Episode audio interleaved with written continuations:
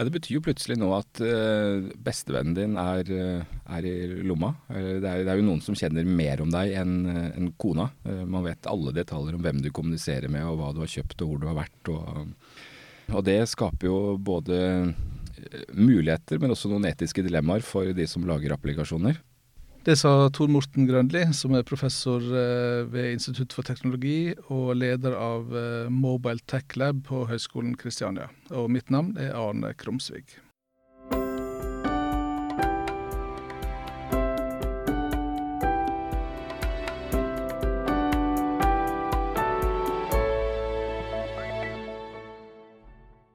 interessen min for eh, jeg tror mobildata og mobilteknologi generelt starter vel i det de, de gamle smarttelefonene plutselig begynte å, å, dukke opp. At vi gikk fra keyboardtelefoner til at uh, telefonen ble en, uh, en, destinasjon hvor du kunne installere noe og faktisk bruke den til noe fornuftig utover å svare på en melding. Den, uh, så det startet ut med de kontorassistenttelefonene med en sånn litt veldig dårlig installasjon av Office-pakka på. Så tilbake i ja, tidlig 2000-tallet, 2004-2005, HTC-telefonene som dominerte. Eh, og så så jeg da gjennom eh, først studier og etter hvert forskning at her har vi muligheten til å, å gjøre både hverdagen og opplevelsen bedre for brukeren. Det her kan vi bruke til noe, noe fornuftig. Eh, du kan jo få merverdi ut av å bruke en applikasjon. Eh, så det var egentlig det som som starter det, og så på såkalt situasjonsavhengig data til å begynne med. Med hvordan kan vi bruke posisjonen din, eller eh, aktiviteten din, eller hvem du kjenner, til, eh, til å lage mm, bedre brukeropplevelser og bedre applikasjoner. Så du var opprinnelig mest interessert i datamaskinen, og så når telefonen ble en datamaskin, så ble den også interessant? Ja, det var jo noe sånn som er eh, Eh, ja, litt sånn forførende ved at du, du, kan putte den store datamaskinen som før bare sto, sto fast, eller var en, i hvert fall flyttbar som den bærbare, eh, kunne du ha den i lomma, og så kunne du gjøre vesentlig mer med den der. Så trengte man ikke være bundet av, eh, av, av de, den faste desktop-maskinens eh, ja, begrensninger egentlig lenger. Eh, så den, den, friheten ved at du da kan gjøre det underveis, og si at du er alltid tilgjengelig, eh, uansett eh, nærmest både hvor du er og på hvilket tidspunkt og med hvilken type maskin du er, for plutselig snakker vi om ting som er er tilgjengelig ikke bare på tvers av, av, nettverk, men på tvers av enheter, på tvers av økosystemer og plattformer. Og da skaper du jo store muligheter for innovasjon, du skaper store muligheter for, for nyskapning og å tenke litt annerledes. Eh, og det trigga meg eh, veldig på, på det. Samtidig som også app-utvikling eller produksjon av både smarttelefonene, innholdet på de operativsystemet, var jo i veldig stor grad basert på de faste plattformene. på klassisk Windows. Eh, og da ser man jo at eh, tidlig på her så var det jo akkurat tidsnok til at Google begynte å komme på banen med sitt Android-plattform. Eh, Microsoft begynte å tenke litt nytt. Det var en sånn litt dragkamp mellom hardware-produsentene og software- og innholdsprodusentene. Og da fram mot eh, lansering av iPhone i, i, 2007, så var det en, en, ganske rivende utvikling. Det var nærmest en eksplosjon i hva som var, var mulig. Så det er jo veldig morsomt å ha vært med på å også kunne følge litt fra, fra innsida. Bare med å se okay, hva, hva betyr det her for fremtidens IT-løsninger. Hva betyr det? Ja, Det betyr jo plutselig nå at uh, bestevennen din er, uh, er, i lomma. Det er, det er, jo noen som kjenner mer om deg enn uh, en kona. man vet alle detaljer om hvem du kommuniserer med, og hva du har kjøpt og hvor du har vært. Og, og det skaper jo både muligheter, men også noen etiske dilemmaer for de som lager applikasjoner.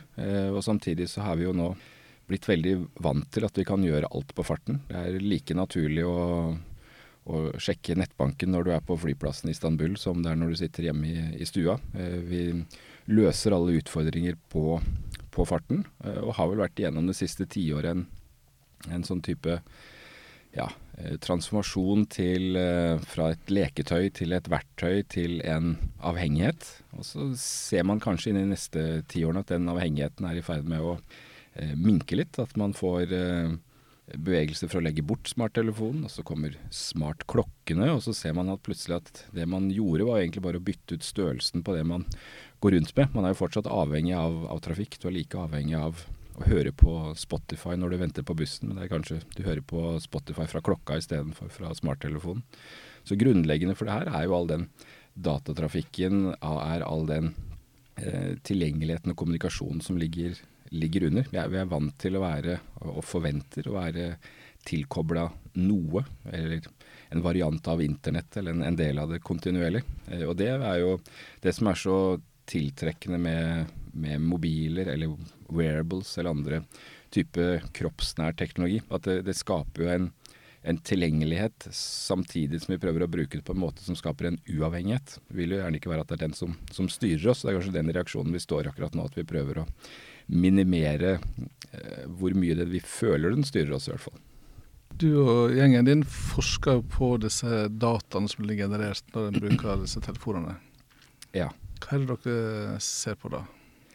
Ja, Vi har gjort litt forskjellige typer prosjekter. Eh, nå I de siste årene så har vi eh, sett på, vært litt opptatt av publikumsopplevelser eh, knytta til ja, festivaler og, og eventer. Eh, så vi har gjort prosjekt både i Roskildefestivalen i, i Danmark og på Bylarm og Øyafestivalen i, i Norge. Hvor jeg ser jo på hvordan kan nettopp eh, mobiltelefonen eller dataene som du genererer på farten, være med på å ja, gjøre en bedre tilpassa opplevelse. Eh, om det betyr at du får informasjon som er tilgjengelig i det øyeblikket du trenger det. Eh, om det handler om å si noe om eh, hvor mye skal kjøpes inn til lager i en kiosk, eller det betyr om hvordan man skal organisere et, et konsertprogram, eller eh, hvordan man skal organisere publikumsflyt ut av en konsert, eller hvordan man skal på nye måter kunne tolke og få en innsikt i hva var opplevelsen til eh,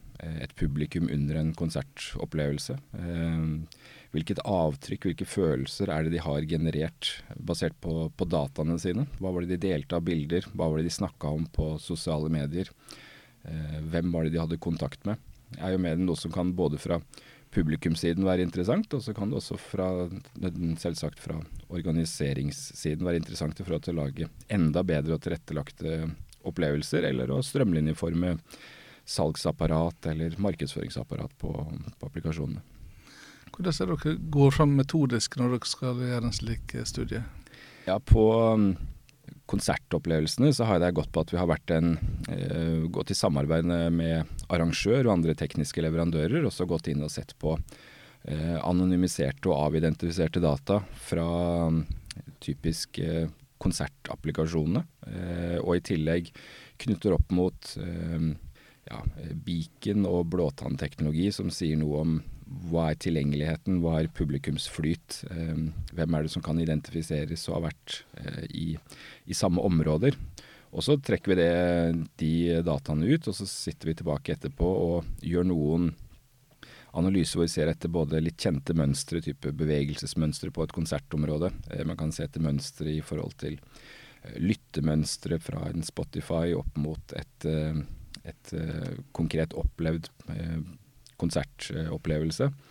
Eh, og så ser man etter avvik eh, i mønstrene og ser om det er noe som, eh, som man ikke kan tolke bare ved å, å se på dataen, så kan man gå inn og prøve å studere grunnene til, tilbake. Så det er sånn utgangspunktet for det, og så går vi jo videre og ikke minst ser på sammen med arrangørene eller også publikumsgruppene hva, hva er det de lurer på? Eh, noen ganger så handler det om å bekrefte det de allerede vet, sånn at de skal fortsette å gjøre de riktige tingene. Og andre ganger så kan man produsere litt nye insekter og se ting fra en litt annen vinkel, kanskje særlig når man kan begynne å som en forsker så kan man jo sammenstille data som en kommersiell aktør ikke nødvendigvis kan. Litt av bl.a. rettighetsproblematikk. Det er ikke alltid jeg som er like like greit å dele mellom alle kommersielle aktører som er inne f.eks. på et uh, konsertarrangement. Men det kan jo vi sette sammen og så legge de lag på lag, og så er det da noen trender vi kan se på tvers av de, de lagene.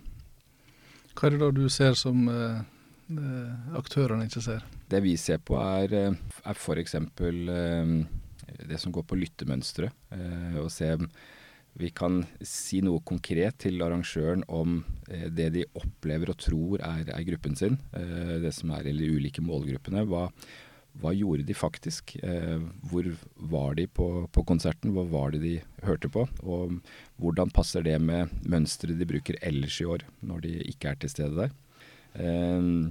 Vi ser jo også f.eks. på eh, salgsdata fra, fra, arrangørene, og så prøver vi å se er det da tilstedeværelse og trender på, på brukerne som gir innsikt i når du legger et, eh, et foredragsprogram på dagtid f.eks. sammen med et underholdningsprogram på, på, kveldstid. Hvordan ser da gjennomsnittskonsertdeltakeren din ut i de forskjellige tidsperiodene over en, over en dag? Eh, og ikke minst også litt avtrykket de legger igjen etterpå. Eh, hva er, eh, avtrykket de har de gir, og hva omtalen de gir av, av totalopplevelsen sin etterpå. Mobilteknologilaben som du leder, har også tilknytta eh, masterstudenter eh, som driver med eh, apputvikling bl.a. Eh, mm. Hvordan kan de bruke disse mobildataene? Ja, Det vi søker å gjøre, er at vi, vi har til enhver tid seks til ti masterstudenter inne i, i bildet. Eh, det er noen som skriver masteroppgaven sine. Noen ser f.eks. For, for øyeblikket på hvordan kan vi gjøre nudging eller dytt på telefonen når du får påmeldelser. Hvordan kan vi utforme de. Eh, så vi integrerer det i, i pågående forskningsprosjekter. Eh, og så bruker vi da studentene som ambassadører også tilbake til, til undervisningen, så de kan være med å, å inspirere studentene som kommer etter seg. Og så er det klart de de kan jo være med som en del av sin undervisning, som en del av sin opplæring, også å øh, være en del av et forskningsmiljø. Og ikke bare jobbe på teoretiske problemstillinger, men jobbe på praktiske problemstillinger. Eh, så Vi har f.eks. nå et prosjekt hvor vi jobber sammen med Institutt for helsevitenskap. Øh, og så ser vi på fysisk aktivitet som et utgangspunkt. Og så kommer Eh, studentene inn i bildet, og vips så ble det til fysisk inaktivitet, som også ble veldig viktig å, å, å kartlegge. Eh, men der har vi jo studenter nå som er inne fra teknisk side og gjør implementasjon av eh, aktivitetsklokker, eh, andre type ja, eh, helseenheter som kan produsere data, om det er blodtrykksmåler eller om det er eh, blodsukker, puls osv., som kan være da, data, datageneratorer inn så skaper det mye eh, data for oss om hva er din fysiske aktivitet eh, i løpet av en dag, eller hva er din fysiske inaktivitet. Og så får vi med oss studenter som både kan være med sammen med oss og utforme arkitekturen. Så kan de være med på å utforme da som jeg nevnte, de uh, dytten, eller nudge-teknologien, til, uh, tilbake. Det er disse små beskjedene som du får at du bør røyse deg opp og sånn? De små beskjedene som alltid kommer på tidspunkter hvor de ikke passer. Uh, så vi ser på ja, hvordan kan de faktisk komme på et bedre tidspunkt. Og det er jo den sanntidsinformasjonen og situasjonsinformasjonen som til nå har blitt utnytta ganske dårlig. Så vi ser på hvordan kan vi i en helsekontekst f.eks. utnytte det her enda bedre til å påvirke deg til å ta valg som faktisk er med på å å endre din livsstil, og forhåpentligvis sørge for at du får det bedre i den retningen du ønsker å, å ha det, eller opprettholder en positiv aktivitet for deg.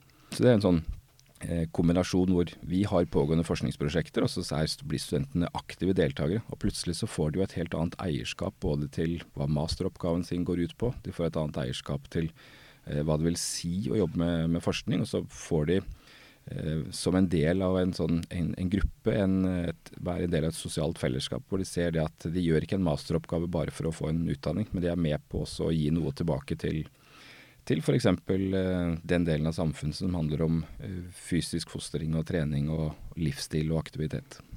I mediene så hører vi av og til om eh, disse appene som, eh, som, deler data med, med andre. Mm. Og så blir, det, så blir en litt nervøs eh, rundt det. Blir folk mer og mer bevisst på dette her, tror du? Ja, det håper jeg. Ehm, jeg tenker jo at man eh, At det er blitt en økt bevissthet på når trenger jeg å dele data, og, og hva får jeg ut av å dele de, de, dataene. Og det er jo litt om det etiske inni her også, at man når man er i, eh, i lomma til folk, eh, når man er den som kjenner alle detaljer av både hvor du er og hva du gjør, og hvem du snakker med, hvem du ikke snakker med, og eh, alle mulige personlige detaljer, så har man også gjennom det et, et, pålagt ansvar for å rett og slett oppføre seg. Man må gjøre ting, ting, ordentlig. Og det er jo klart det er mye, foruten lover og regler, også retningslinjer og, og sikkerhetsmekanismer som ligger i det å utarbeide og lage applikasjoner som er med på å, å begrense det. Eh, men det betyr ikke at man ikke kan bruke det på en en dårlig måte, eh, eller eh, ubevisst eller bevisst gi fra seg for mye data. Så jeg opplever vel nå at vi i de senere årene, i hvert fall de siste tre til fem årene har fått et fokus på at vi må, vi må, faktisk ha et bevisst forhold til hva får jeg tilbake av det. Og når brukerne begynner å bli bevisst på hva får jeg tilbake av det, så legger det også et større ansvar, et oppdrag på de som lager applikasjonene, på å ha en bevissthet til hva er need to know, hva er nice to know. Det, du må faktisk kunne forsvare hva du skal bruke dataene til. Så det tror jeg også gjennom f.eks. GDPR-lovgivningen har blitt en veldig oppdragende effekt på ikke å sammenstille og bruke mer data enn det man faktisk trenger. Eh, så vil jeg nok si at totaliteten av appene som er ute, er jo nå i en, en form og en forfatning og utgis gjennom eh, regulerte markeder som Google Playstore og Apple sin AppStore, som gjør at de er, de er eh, kvalitetssikra til, i mye større grad enn en tidligere. Så Sånn sett så skal vi eh, ikke være redd for å bruke apper som er, er gitt ut av appstorene, men vi må jo være bevisst på trenger jeg den appen her? Hva, hva får jeg ut av å dele loka, lokasjonen min med, med treningsappen f.eks.? Jeg har hørt at det finnes sånne foredragsholdere som reiser rundt og, og holder litt sånn skrekkforedrag da, og hjelper folk å slå av alle disse tinga. Hva er det de går glipp av, de som, eh, de som uh, forsøker å begrense den informasjonen de deler? Ja, ja, Det enkleste er jo å, å, å melde seg ut. Eh, men så kan man si at eh, eh, det er kanskje bedre å ha et bevisst forhold til det, enn bare å, å, å fornekte at det eksisterer. For det er nok kommet for å, for å bli. Eh, og så ser vi at sagt, vi nevnte på at det, man går også fra mobiltelefoner til, til klokka eller kroppsnær teknologi. Så det er, ikke, det er, ikke, sånn at man slutter å sette av fingeravtrykk fordi man skrur av et varsel i en applikasjon. Um, sånn kroppsnær teknologi, hva kan det være for Har du eksempel på det? Ja, vi har jo både alt fra sportsklokker til eh, aktivitetsarmbånd, eh, som de, de, vanligste man kan gå og kjøpe på, på enhver elektronikkbutikk. Men så kommer det også stadig mer du får Eh, fra det litt mer eh, invaderende teknologien, som å gå med en ring eller et armbånd eller en brikke, til opp til de som tar det til ekstremen og setter en chip under huden for å være helt integrert. Eh, men det er klart det Hvorfor gjør det det? Ja, hvorfor gjør de det? Eh, godt spørsmål. Jeg tror de som går med på en chip for øyeblikket, de, eh, de, er vel såkalt early adopters. De ønsker vel å bare å teste ut teknologien for, for teknologiens skyld. Eh, og der er man kanskje til, til, det ekstreme at man skal være over middels interessert for å synes det er interessant å åpne ja, møteromsdøra på jobb, med, eller Tesla-døra med med, med, hånda. For oss fleste så går det fint å bruke en, en app til det. Men det sier jo noe om, om mulighetsrommet som, som kommer om, om, noen år. Eh, men det er andre eksempler på mer kroppsnær teknologi. altså Politiet integrerer sensorer i, eh, i uniformene sine for både å kunne monitorere eh, områdene rundt seg, for å kunne logge data, for å kunne ha en samle sanntidsinformasjon om situasjonene de, de er i. Vi har eksempler på Eh, joggesko som integrerer enkle sensorer som bare sørger for å samle mer korrekte og beregne treningsdata. Så det er, det er andre eksempler på at det faktisk kan brukes til noe. Eh, men det er klart det at du går i et, i et, miljø hvor du hele tiden genererer og setter digitale avtrykk også gjennom mobil tilstedeværelse.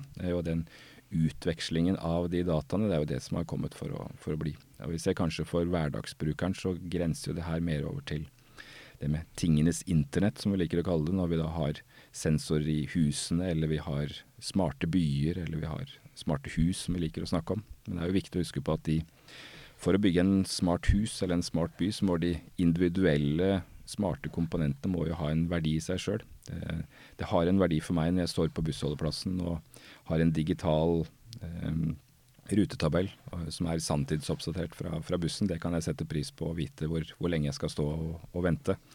Eh, og når man begynner å sette sammen eh, sanntidsinformasjon fra, fra, bussen med skreddersydde tilbud i butikken til eh, informasjon om eh, reiseruter som bør, bør, endres, til muligheten til å eh, ja, fra avstand se hvordan tilstanden er med, med eiendommen eller med leiligheten eller med huset så begynner man å kunne komme inn i et, et, økosystem av individuelle digitale tjenester som hver for seg skaper verdi. Og da går man i retning av å, å snakke om en smart by eller et smart hus, eller et, kanskje også vært et smart samfunn. Men underlaget for alt det er jo det vi starter med, at det er mobildata som utveksles. Det er mobilteknologi i en eller annen form som er det som er, er muliggjøreren. Det å kunne sømløst på tvers av plattformen nettopp utveksle informasjon og, og, og sende sikre data seg imellom.